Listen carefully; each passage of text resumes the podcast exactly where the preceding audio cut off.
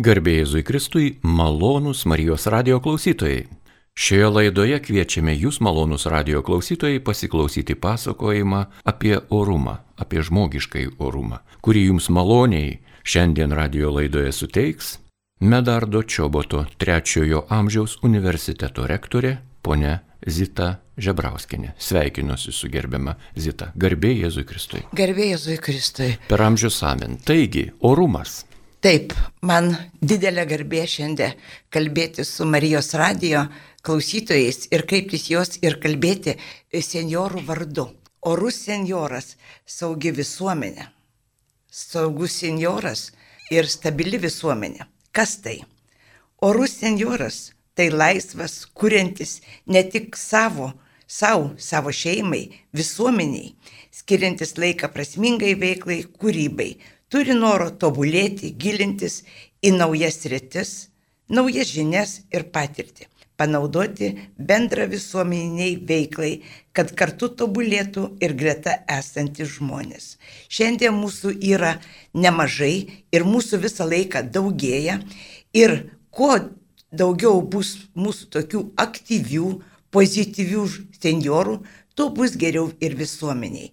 Mes šių dienų seniorai esame tyliosios kartos ir vaikų bumo kartos žmonės. Jau atsiranda ir X kartos atstovai. Kas mes tokie? Mes gyvenome įvairių pokyčių laikotarpiais. Matėme santvarkų kaitą, pabuvojome Sibiro platybėse ir svarbiausia, išsaugojame savasti, savivertę, meilę žmogui ir šaliai. Gebėjimas atsigręžti į istoriją, į tautos šaknis, o kartu gyventi naudojantis naujausiomis technologinėmis informacijomis, progresu, mus padaro savivertinėmis asmenybėmis. Mes e, suprantame orumą kaip duota vertybė, o ne kaip nupirkta už pinigus. Mes seniorai esame socialinis kapitalas ir savo elgseną esame saugios visuomenės garantas. Kokia ta mūsų elgsena? Tylioji karta ir vaikų bumo e, seniorams būdinga. Pasiaukojimas, pareigingumas, naudingumas, kuklumas, santorumas. Prisiderini, prisiderini prie optimizmas, prisiderinamumas prie kitų, jaunatviškumas, taip, aš nebijau to žodžio, jaunatviškumas, neprikaištingas įvaizdis. Labai atsakingas požiūris į darbą ir tik jis, senjoras, supranta, kad dirbdamas gali sukurti gerovę. Rimtas požiūris į mokymasi, kuris gali keisti aplinką ir gyvenimą. Mes skiriamės nuo šiandieninio jaunimo to, kad mes norime bendrauti ne per ekraną, ne per internetą, o norime bendrauti akis į akį, širdis į širdį. Šiandien problema kyla tada, kai žmonės kalama į galvą, kad vienas ir vienintelis oraus ir sėkmingo gyvenimo receptas yra pinigai, turtas. Gaila, tokia nuostata padeda įtvirtinti ir neatsakingą žiniasklaidą. Joje skaitome. Sėkmingo kabutėse gyvenimo receptas tavo rankose. Jei turi pinigų, grožio industrija padės būti gražiam, pakeisti, ką galima pakeisti. Jaunimą tai imponuoja. Bet nekalbama apie bendravimą tarpusavį, šeimose, su artimais ir, rečiai, ir rečiau paklausiam, kaip sekasi. Patikėkite, kad šeimuose, kur netrūksta daiktų, pinigų, auga vieniši, sužeisti vaikai. Jiems trūksta ne daiktų, pinigų, o bendravimo, nuoširdžių pokalbių su tėvais, trumpų pasivaikščiojimų. Jei mes seniorai esame saugios valstybės garantija, mums turėtų rūpėti kiekvienas ir kiekvieno žmogaus poelgis, kiekvieno žmogaus gyvenimas, kiekvieno žmogaus savijauta. Mūsų šalyje dar yra daug nesusijusių, yra nesuiryrę kartų ryšiai. Ką reiškia?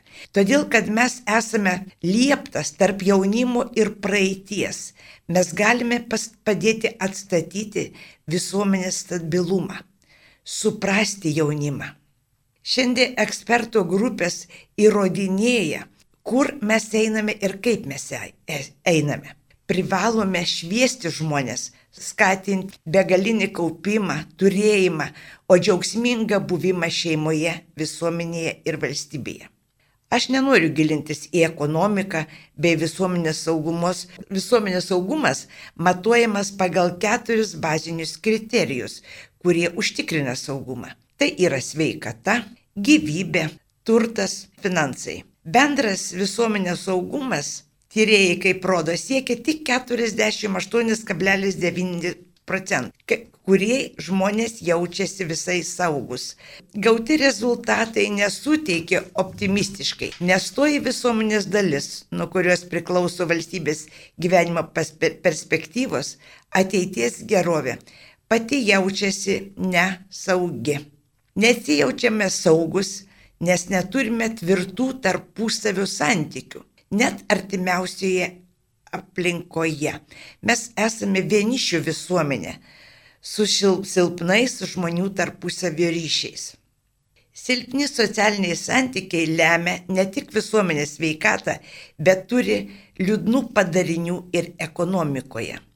Saugus dėl sveikatos, teisės saugos sistemos tik pusė gyventojų. Teigiama, kad vyresni karta yra stabili, bet mes negalime būti stabilus ir todėl, kad mes nesijaučiame saugus. Kodėl nesijaučiame saugus? Todėl, kad kartais trūksta mūsų valdžios požiūrių į mūsų seniorus. Niekas nesiginčia apie pasenimą, kad galime pasenti. Bet šiandien mes ginčiamės apie tai, kad nenurašykim per anksti mūsų seniorų. Nesaugiai besijaučiantys žmonės nebus linkę rūpintis bendra valstybės gerovė. Visuomenėje, kurioje nesaugu žmonėms gyventi, gali nelikti kam keisti ekonomiką, kam didinti tą ekonomiką, nes visi išvažiuos ten, kur kaimynas pažįsta kaimyną, kur žmonės jaučiasi pastebėti ir svarbus vieni kitiems. Žmogaus laimė jūs turbūt su manim sutiksite, slypi ryšiuose su kitais žmonėmis. Mes turime galvoti, kaip padėti žmogui išlaikyti ryšį su šeima, draugais, kaimynais, kaip padėti žmogui gerai jaustis artimiausiai aplinkoje. Svarbu, kad mes jaustume galintis duoti ir daryti įtaką socialinėme gyvenime. Mes suprantame, kad yra daug dalykų. Pavyzdžiui, pensijos dirdis. Kartais ją galima padidinti. Ar ji pakeis mūsų pastangas būti laimingiems? Mes suprantame, kad orumas priklauso ne tik nuo duonos kainos, svarbu prisiminti ir kitus, ne tik ekonominius gyvenimo aspektus. Orumas priklauso nuo paties žmogaus pastangų gerbti save, aplinkinius, Svarbiausia rūpintis tuo, kad jo gyvenimas būtų išmintingas, orus ir dėl to jis gauna, įgauna prasme. Aš ruoždamasi šitai, šitam pasikalbėjimui, susitikimui su jumis, pasikalbėjau su savo seniorais, kurie mokosi trečio amžiaus universitete. Patikėkite, kad šitie jų nuomonė apie orumą visiškai nesisėja su ekonomika. Ir klausė jie patys, pavyzdžiui, rašo Onga, orus senjoras, ori senatvė. Koks tu, būtų, ko tau, koks tu bebūtum, tau reikia rūpintis sveikata, kad ji nesutriktų. Reikia mankštintis, šokti, pasivaikščioti, kūrybinės mintis, motivacija ir norai ir laikytis dešimt dievų įsakymų atjautos aplinkiniams, dėkingumo, pagalbos, sugebėjimo atleisti vienas kitam. Taip aš stengiuosi elgtis ir dėl to aš save laikau ore senjorė. Kitas Petras e, rašo, ori senatvė, oraus gyvenimo išdava. Nebus senatvė ori, jei visą gyvenimą buvo tik negatyvus požiūris į gyvenimo aplinką. Ne tas turtingas, kas daug turi, o tas, kam užtenka. Liaudės patarlė sako, negali pakeisti gyvenimo, keisk požiūrį. Pensija tai yra ne fontanai, bet viskas priklauso ir nuo jos. Bet svarbiausia, viskas priklauso nuo požiūrio. Nereikia verkšlenti, reikia būti optimistais, gerą nuotaiką ir mes jausimės orus. Ir daug yra seniorų, kurie parašė ir man tikrai be galo smagu, atrodo, kad jie skaitytų mano mintis, kad jie skaitytų mano požiūrį į tai, kad ne viskas tai yra toj duonoj, kad ne viskas tai yra toj materialiniai padėti. Ir teko man kalbėti su viena auklė, kuri atėjo į garsę, turtingą labai šeimą ir ten pajuto ir jin sakė, kaip aš džiaugiuosi, kad mano vaikai nėra tokie, e, kokioj aš patekau į kokią šeimą. Ten vaikai vienišiai. Ir sako, kada aš jiem iškepiau blinelių, Tai jūs neįsivaizduojat, ant kiek jie buvo laimingi džiaugsmingi, kai jie valgė šiltą maistą. Taip, šaldytuvas pakrautas pilnas, visko, visko netrūksta, visokių konservų, visokių marinuotų, visokių kitų gaminių, bet nėra to šiltumo, nėra susėdimo prie bendro stalo. Ir tie vaikučiai be galo vertina tos auklės, atėjusios paprastos moters pasikalbėjimą. Ir iš tiesų Aš kartais pagalvoju, juk mes seniorai galime būti ta grandis, galime būti tas objektas, su kuriuo rastų pokalbį mūsų anūkai. Mes turėtume nešti tas tradicijas į šeimą, kad raginti susėsti vakarais, nors prie bendro stalo, pakalbėti, kad nebūtų tas mūsų tik vien kučių stalas bendras mūsų šeimos e, stalas. Ir orumas kartais e, priklauso nuo, ne tik nuo mūsų pastangų, bet jis yra vertybė, jis yra duotybė ir jis neapspręs mūsų pašalpos gaunamos apie tai, kad jau mes būsime orus. Aš sakyčiau, kad orus orus senioras, orus žmogus, jis visada eis iškėlę galvą. Man visą laiką, kada man yra blogai, kada aš jaučiu kažkokį, kad ir dabar pandemijos metu, Vis prisimenu kelionę Indiją.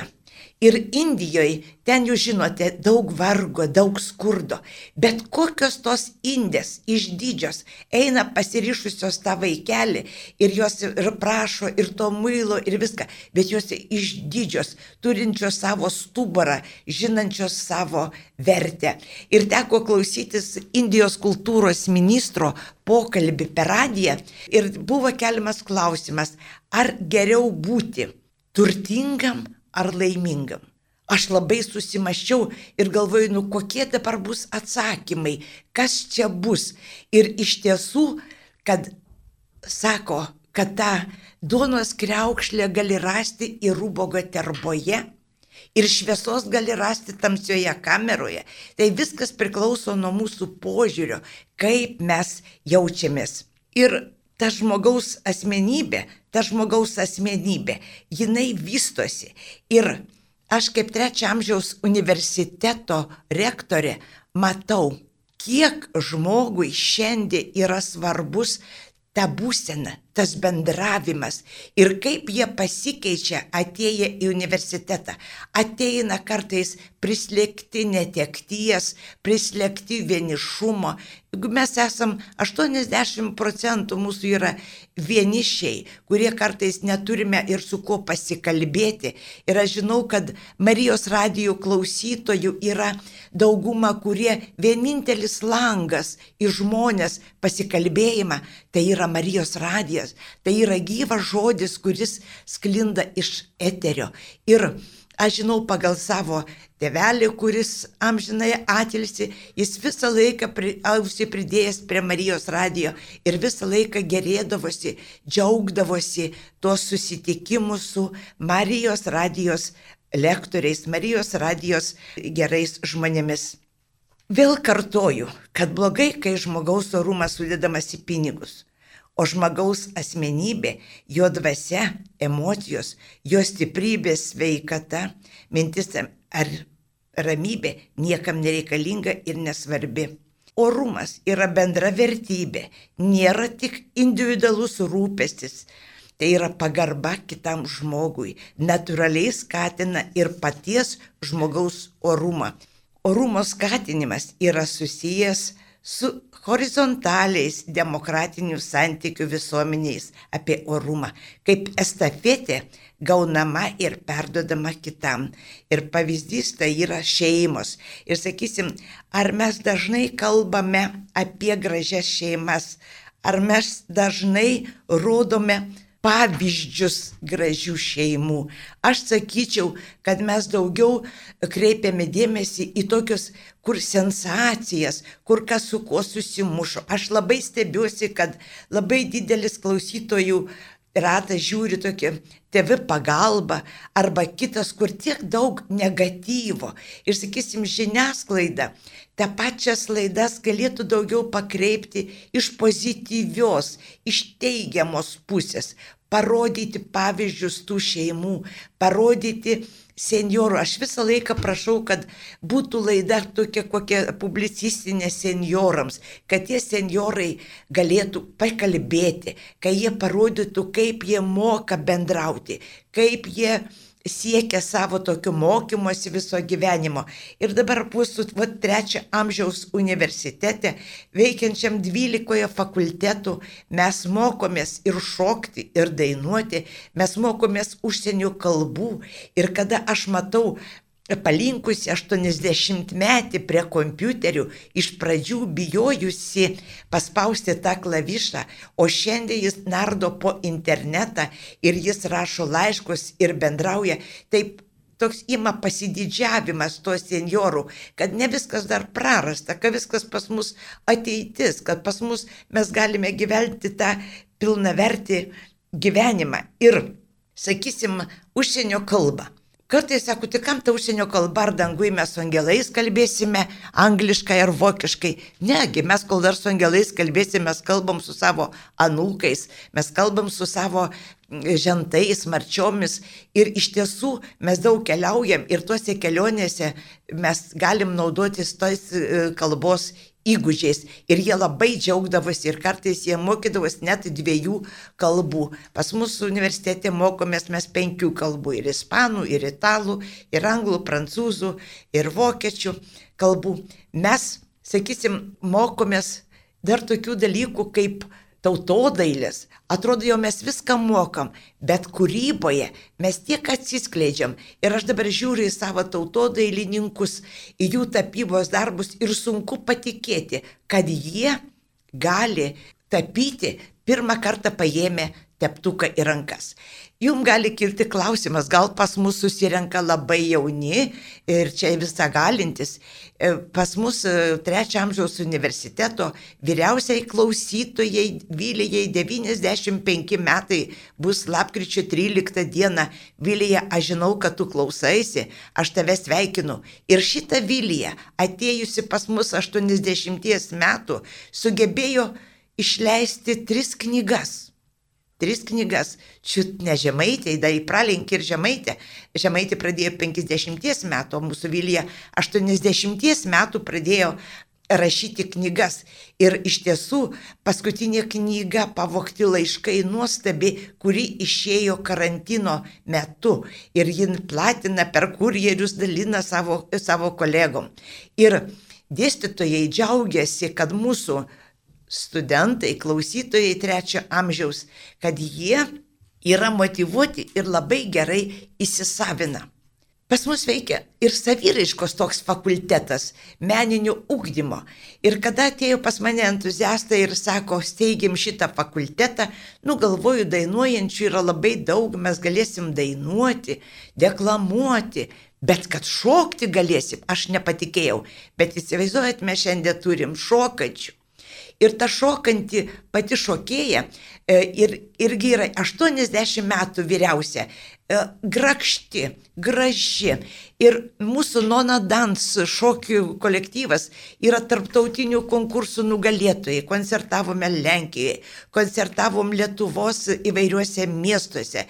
Ir e, šoka ir sunku patikėti, kad mūsų tom šokėjim 80, o jų vidurkis viso kolektyvo 70-75 metai. Tai iš tiesų ir sakysim, niekada, vat, kada jūs kiek galit, visą laiką stenkitės, stenkitės nebūti užsidarę. Eikit į žmonės, kalbėkit, bendraukit. Ir kada aš paklausiu savo klausytojų, ko jūs atėjote į trečią amžiaus universitetą, ar jums reikia žinių, dar norit, taip, nori mokytis, nori tobulėti visą gyvenimą, bet svarbiausia, reikia bendravimo, reikia žmogui žmogaus. Ir kada mes surandam savo bendramintį, tai yra nuostabus dalykas, kad mes galime paimti už alkūnės, kad mes galime pasidalyti savo receptais, kad mes galim pasidalinti savo sodai, sodo patirtimi, savo daigais ar augaliukais. Ir iš tiesų, pagyvenusiam žmogui išsaugoti orumą yra labai svarbu. Orumą kaip ir garbės niekas nedovanoja. Ji nepriklauso nuo pajamų, nuo socialinių garantijų, nepriklauso nuo valiutos kurso, o kaip ir žmonių santykiai yra nuolat formuojami. Ir aš minėjau, kad teisės būti seniam, senam, teisės būti senam nereikia įrodinėti. Šią teisę turi kiekvienas ir turės kiekvienas. Aš net prieš rinkimus sakiau, balsuosiu už tai, ką žada pasent. Tik gaila, kad dar šiandien mums vis dažniau tenka įrodinėti, kad vyresnis žmogus, senas žmogus, tai nenurašytas, o išsilavinęs, aktyvus, motivuotas, nuolat besimokantis, naudingas ir lygiateisis visuomenės narys.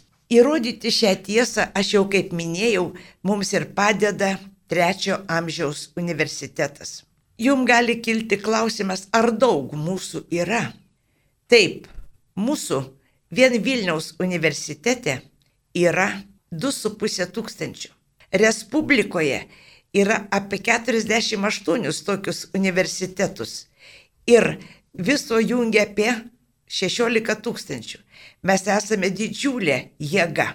Universitetai šitie užtikrina vyresnio amžiaus žmonių darbingumą, fizinį aktyvumą, kelia žinių bei kultūrinį lygį, skatina keistis gyvenimo patirtimi ugdo sveikatą. Ir mes savo paskaitose universitete nekalbame apie sveikatą, mes kalbame ir apie lygas, mes kalbame apie prevenciją, mes kalbame, kaip tą sveikatą išsaugoti. Ir sakysim, sveikos gyvensenos fakultete mes kiekvieną savaitės dieną dirbame. Vieną dieną yra paskaitos, kur garsus profesoriai, gydytojai, kalba apie prevenciją.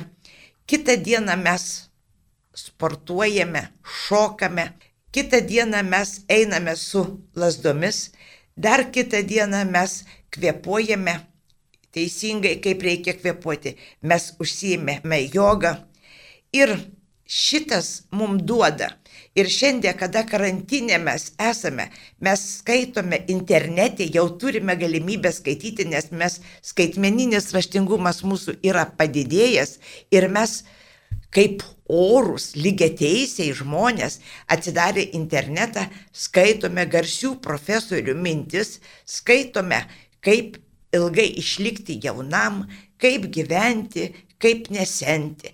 Ir sakysim, aš turiu paruošusi tokią temą universiteto klausytėm, kaip gyventi ir nesenti, kuri be galo populiari ir jie visą klausti dar, ką, ką dar mes galėtume padaryti, kad išliktume jauni. Ir aš noriu pasakyti, kad mes visiškai nekreipiam dėmesio į emocinę emocinė, psichinė būsena. būsena. Ir mūsų ta emocinė, psichinė būsena ji kartais yra pamirštama. Ir pavyzdžiui, per pirmąjį karantiną, per pirmą tą pandemijos etapą, kaip mus žaidė, kaip smūgdė mūsų tą emocinę, psichinę būseną, kaip jinai pablogėjo, kada mes buvome nu aš taip pasakyčiau, nebijau pasakyti, nurašyti. Mes buvom priskirti rizikos grupiai ir ta rizikos grupė buvo suskirtista kaip statistikai. Pirma rizikos grupė, antra, trečia, ketvirta rizikos grupė. Tai aš esu stipri, aš esu tvirta, bet žinote, man pasidarė baisu ir aš pradėjau nedrįsti, nedrįsti užeiti į bažnyčią, nedrįsta užeiti į parduotuvę, nes galvoju, gal į man, taip į mane žiūri, net buvo ant durų parašyta, kam virš 60, tai pasisaugykit, gal tai neikit. Ir tada mes prašnekom. Aš pati dalyvavau ne vienoje radijos laidoje. Ačiū aktoriai Oželytė, kuri drąsiai stojo už tai, kad mes tai nesame ta rizikos grupė. Taip, mums reikia saugotis, bet mes esame orus, mes esame protingi, mes mokame užsidėti kaukės teisingai, mes mokame išlaikyti atstumą, mes mokame būti saugus savo ir apsaugoti kitą. Ir todėl negalima taip su mumis elgtis. Ir ačiū Dievui, jau šitoje antros karantino etape jau į mus žiūri visai kitaip. Jau mes ir trečio amžiaus universitete, sudarydami sąlygas, mes galime po penkis grupėse dirbti. Mes kažkaip nesigėdinam išeiti į gatves, nesigėdinam išeiti. Ir dabar įsivaizduojat, reiškia, poliklinikoj negalim 60 mečiui. Tai kas eina į tą polikliniką? Tai ir eina daugiausiai seniorai. O į bažnyčią, kas bažnyčios pagrindiniai lankytojai? Irgi seniorai.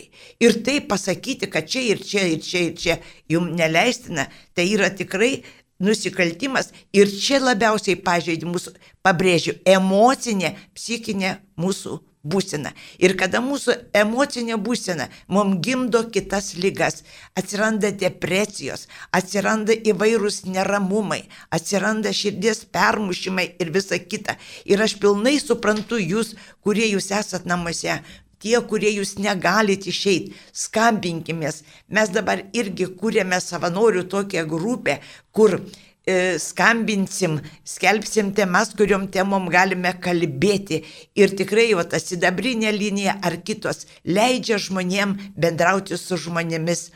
Aš savo metu su studentais lankiau žmonės, kurie buvo prikaustyti prie lovos ir kurie negali pakilti. Tai mūsų ėjimo tikslas buvo, kaip mes galvojom iš pradžių, kad išvalyti langus, atnešti produktus, sutvarkyti būtą prieš šventes, prieš kalėdas, prieš Velykas.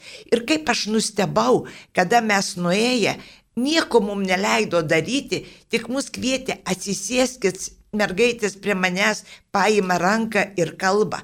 Iš tiesų, šiandien be galo trūksta mūsų seniorams išsikalbėjimo, trūksta mums, e, kad mus kas klausytų ir kad mes galėtume pabendrauti. Tai čia yra mums didžiulis, didžiulis deficitas. Ir šiandien, va, trečio amžiaus universitetai, įvairūs kitos bendrijos, kaip tik sudaro tą tokią galimybę mums bendrauti. Pagyvenusi žmogus legia ir psichologinės, tokios biologinės, socialinės problemas, kurias reikia spręsti greitai, gebėti suprasti informaciją pačiam.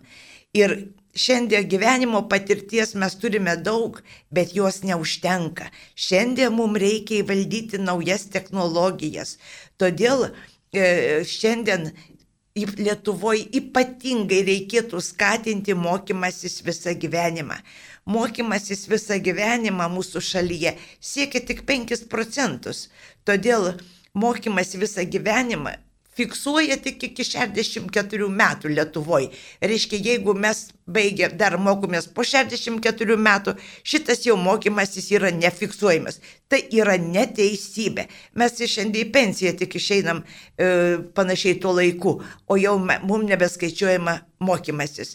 Dabar ką tas e, duoda mokymasis visą gyvenimą? Jis mums padeda įsisavinti naujas technologijas.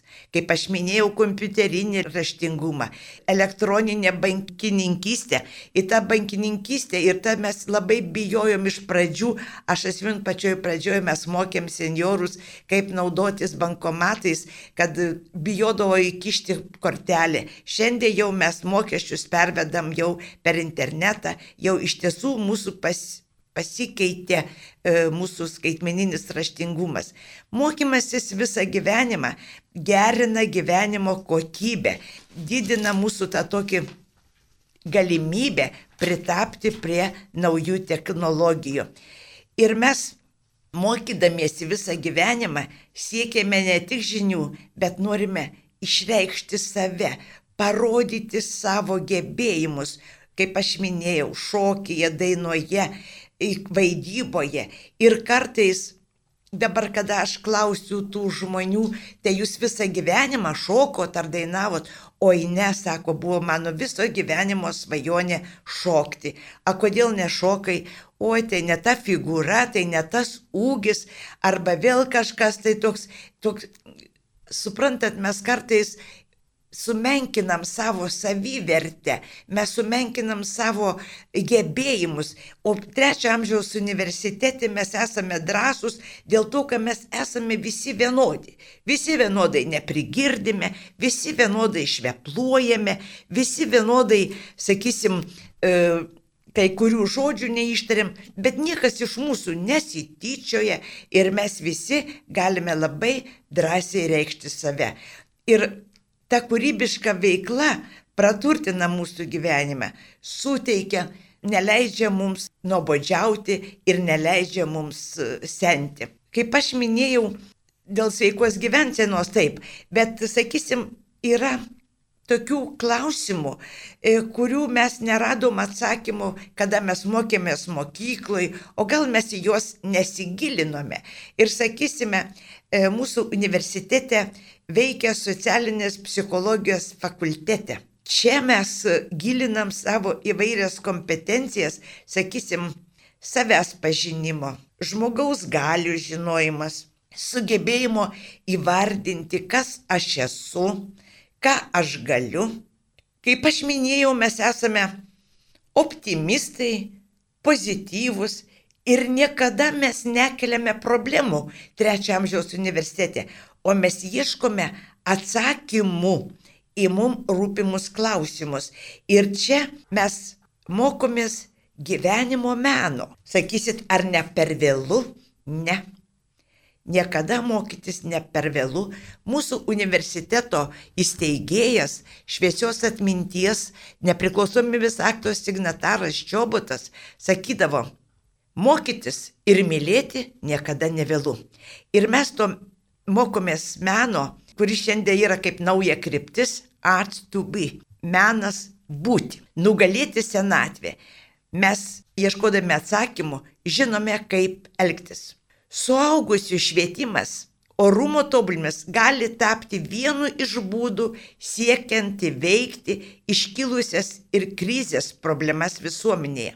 Aktyvus, pagyvenusių žmonių švietimas visa apimintis socialinė institucija visuomenėje galėtų sėkmingai atlikti tokias funkcijas, padėti išlaikyti etninės tradicijas, tautinę tapatybę šiandieninėje globalizacijoje, perduoti socialinę patirtį, dvasinio gyvenimo normas, reguliuoti amžinai kartų ir laikmečių konfliktą.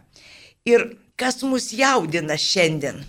Šiandien mus jaudina negatyvus senjoro įvaizdis žiniasklaidoje. Juk iš tiesų žiniasklaidoje labai dažnai rodo užguitą, apgautą, pas nuskurdusi tą senjorą. Bet tai nėra mūsų dominantė. Mes esame vertingi, mes esame dar norintys gyventi. Mus jaudina kartų priešinimas visuomenėje, žmonių emocinis nusivylimas ir susvetimėjimas, nuvertėjusios dvasinės vertybės, nuvertintas šeimos modelis, žemas aktyvaus senėjimo indeksas Lietuvoje. Ir, sakysim, šiandien Mums seniorams nesuprantamas, kad kartais Seime sprendžiamas klausimas, kas tai yra šeima. Kas tai yra šeima? Tarsi kažkas naujo. O mes seniai žinom, šeima tai yra tėvas, motina, vaikai, močiutė, tai yra kelios kartos, kurios veda bendrą ūkį, kurios veda ugdo tradicijas, kurios puoselėja vaikuose vertybinės nuostatas. Kiekvienas žmogus, kiekvienas žmogus turi fundamentalius dvasinius poreikius. Jeigu mes šiandien visuomenėje juos patenkintume, mūsų gyvenimas pasikeistų fundamentaliai. Mūsų visuomenėje išnyktų smurtas, artimoje visuomenėje išmirtų smurtas, visuomenė aplamai. Tai kokie, kokie tie fundamentalieji poreikiai? Kiekvienas Mes norime būti pastebėtas ir priimtas toks, koks esame. Kiekvienas, ar mes gražus, ar mes negražus, ar mes toras ar plonas, kiekvienas pastebėtas ir priimtas. Antra, poreikis, kuris mums be galo svarbus, kiekvienas išgirstas ir išklausytas. Ir trečias poreikis, aš skaičiau pats svarbiausias, tai yra mylimas ir reikalingas. Motina Teresė yra pasakiusi, aš viena negaliu pakeisti pasaulio, bet aš galiu mesti akmenėlį vandens paviršiumi ir sukelti daug bangelių. Tai mes, seniorai, norime sukelti tas gėrio, grožio bangeles. Tai yra, kad mūsų visuomenėje būtų geriau gyventi, kad būtų mūsų santykiai gražus ir dalinti meilę visiems kitiems. Aš baigdama norėčiau pasakyti, neužsidarykime vienas savo keutį, bet būkime tais gražiais kelrodžiais, kurie patrauktų ir jaunimą, patrauktų anukus, kurie galėtų padėti žmonėms gyventi ir nesenti. Nieko nėra gražesnio žmoguje, kaip sugebėjimas pačiu sunkiausiu gyvenimo laikotarpiu ištiesti ranką. Ištieskime ranką vaikui, jaunuoliui, paaugliui, ištieskime ranką ir pavargusiam senoliui. Juk mūsų sielose turi lepsnuoti meilę, meilę žmogui, mylėkime vienas kitą ir mūsų gyvenimas bus gražesnis. Aš noriu padėkoti visiems klausytojams, kurie klausė, kad nors vienas mano žodis ateitų į jūsų sielą, kad jūs kažko pasiimtumėte, kad jūs kažkuo pasinaudotumėte ir patikėkite, kad šiandien yra dar daug, daug žmonių, kurie gali padėti vienas kitam. Mylėkim vienas kitą, apglėpkim vienas kitą. Dievo palaimos jums visiems sveikatos, kantrybės ir viso viso ko geriausio, tegul būna jūsų namuose, jūsų šeimose ir kad šitas koronavirusą mes įveiktume ne kuo kitu, o kaip tikrų tikėjimu, meilė ir viltimi. Ačiū Jums. Malonus Marijos radio klausytojais girdėjote laidą apie žmogiškai orumą. Šią laidą vedė Medardo Čiobato, trečiojo amžiaus universiteto rektorė Zita Žebrauskinė. Likite su Marijos radiju.